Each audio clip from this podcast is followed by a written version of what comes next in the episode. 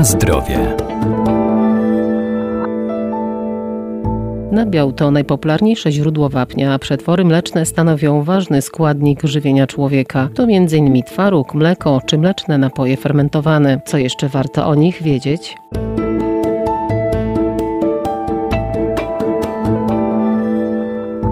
Twaróg, zwany białym serem, to produkt wytwarzany z mleka, niezwykle wartościowy. Zawiera wiele witamin i mikroelementów, ale to przede wszystkim bardzo dobre źródło pełnowartościowego białka. Twaróg otrzymujemy przez koagulację kwasową, czyli potrzebny nam jest czynnik, który obniży pH mleka. Profesor Waldemar Gustaw, Wydział Nauk o Żywności i Biotechnologii Uniwersytetu Przyrodniczego w Lublinie. Mleko ma pH powyżej 6 do 6,8, natomiast aby otrzymać twaróg, czy inaczej skrzep kwasowy, jak my to nazywamy, nazywamy, e, trzeba zakwasić mleko do pH około 4,5, a wtedy kazeina, czyli główne białko mleka, zaczyna nam tworzyć e, coś podobnego do ciała stałego, taką trójprzestrzenną, przestrzenną e, strukturę skrzepu kwasowego, który no, utrzymuje potem tą strukturę po, po zakończeniu procesu. Trzeba jeszcze wycisnąć z, ze skrzepu serwatkę i otrzymujemy coś, co możemy kupić w sklepie. Dlaczego człowiek w ogóle wymyślił twaróg? Może od tego trzeba było zacząć. Mleko jest e, surowcem bardzo nietrwałym.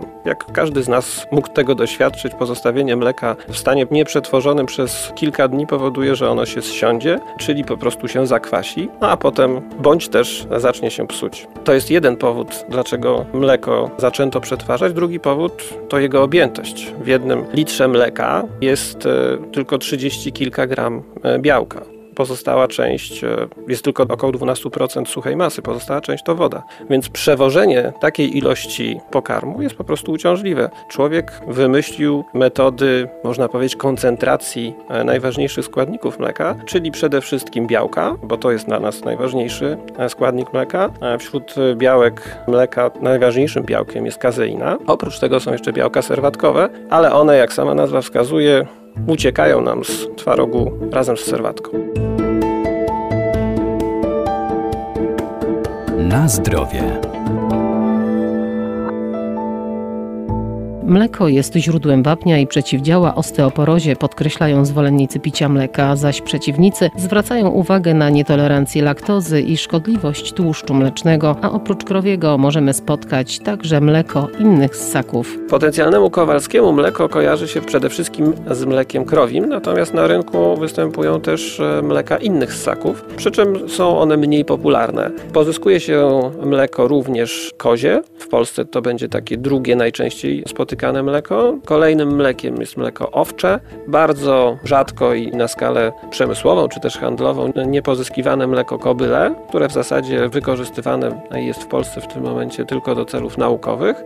Na południu Europy pozyskuje się jeszcze również mleko bawole, którego produkty czasami możemy spotkać e, w sklepach w Polsce. Te mleka różnią się między sobą składem, przy czym te różnice nie są aż e, tak e, znaczące, czyli nie ma takiej sytuacji, że, że dany składnik nie występuje w którymś z mlek, natomiast są różnice w jego koncentracji, w zawartości w tych mlekach. Najbardziej tłustym jest mleko owcze, jedno z rzadziej spotykane w Polsce, e, zawierające najwięcej suchej masy. Pozostałe mleka różnią się od siebie zawartością tłuszczu, zawartością białka, zawartością popiołu, zawartością laktozy. Najbardziej tak naprawdę z mlek, które mogą nas interesować, e, różni się od mleka krowiego mleko kobiece, co między innymi jest e, przyczyną występowania alergii u niektórych osób spożywających mleko, z tego względu, że w mleku kobiecym nie ma jednego z białek serwatkowych i nie ma jednej z frakcji kazeiny, natomiast jest więcej laktozy. Te mleka rzadziej spotykane na rynku przetwarzane są najczęściej w sery dojrzewające jako produkt najbardziej delikatesowy. Przede wszystkim mleko owcze, które ze względu na to, że jest dostępne tylko przez stosunkowo krótki okres w ciągu roku, przetwarzane jest właśnie na sery dojrzewające, podobnie mleko kozie, przy czym to mleko jest jeszcze przetwarzane również na sery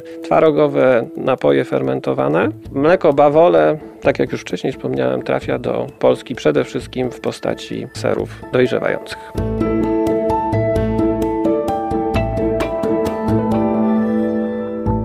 Warto też sięgać po mleczne napoje fermentowane, jak kefir, maślanka czy jogurt, które dzięki pożytecznym bakteriom mają dobroczynny wpływ na organizm człowieka, m.in. pobudzają apetyt i zwiększają wydzielanie enzymów, co usprawnia trawienie pokarmów.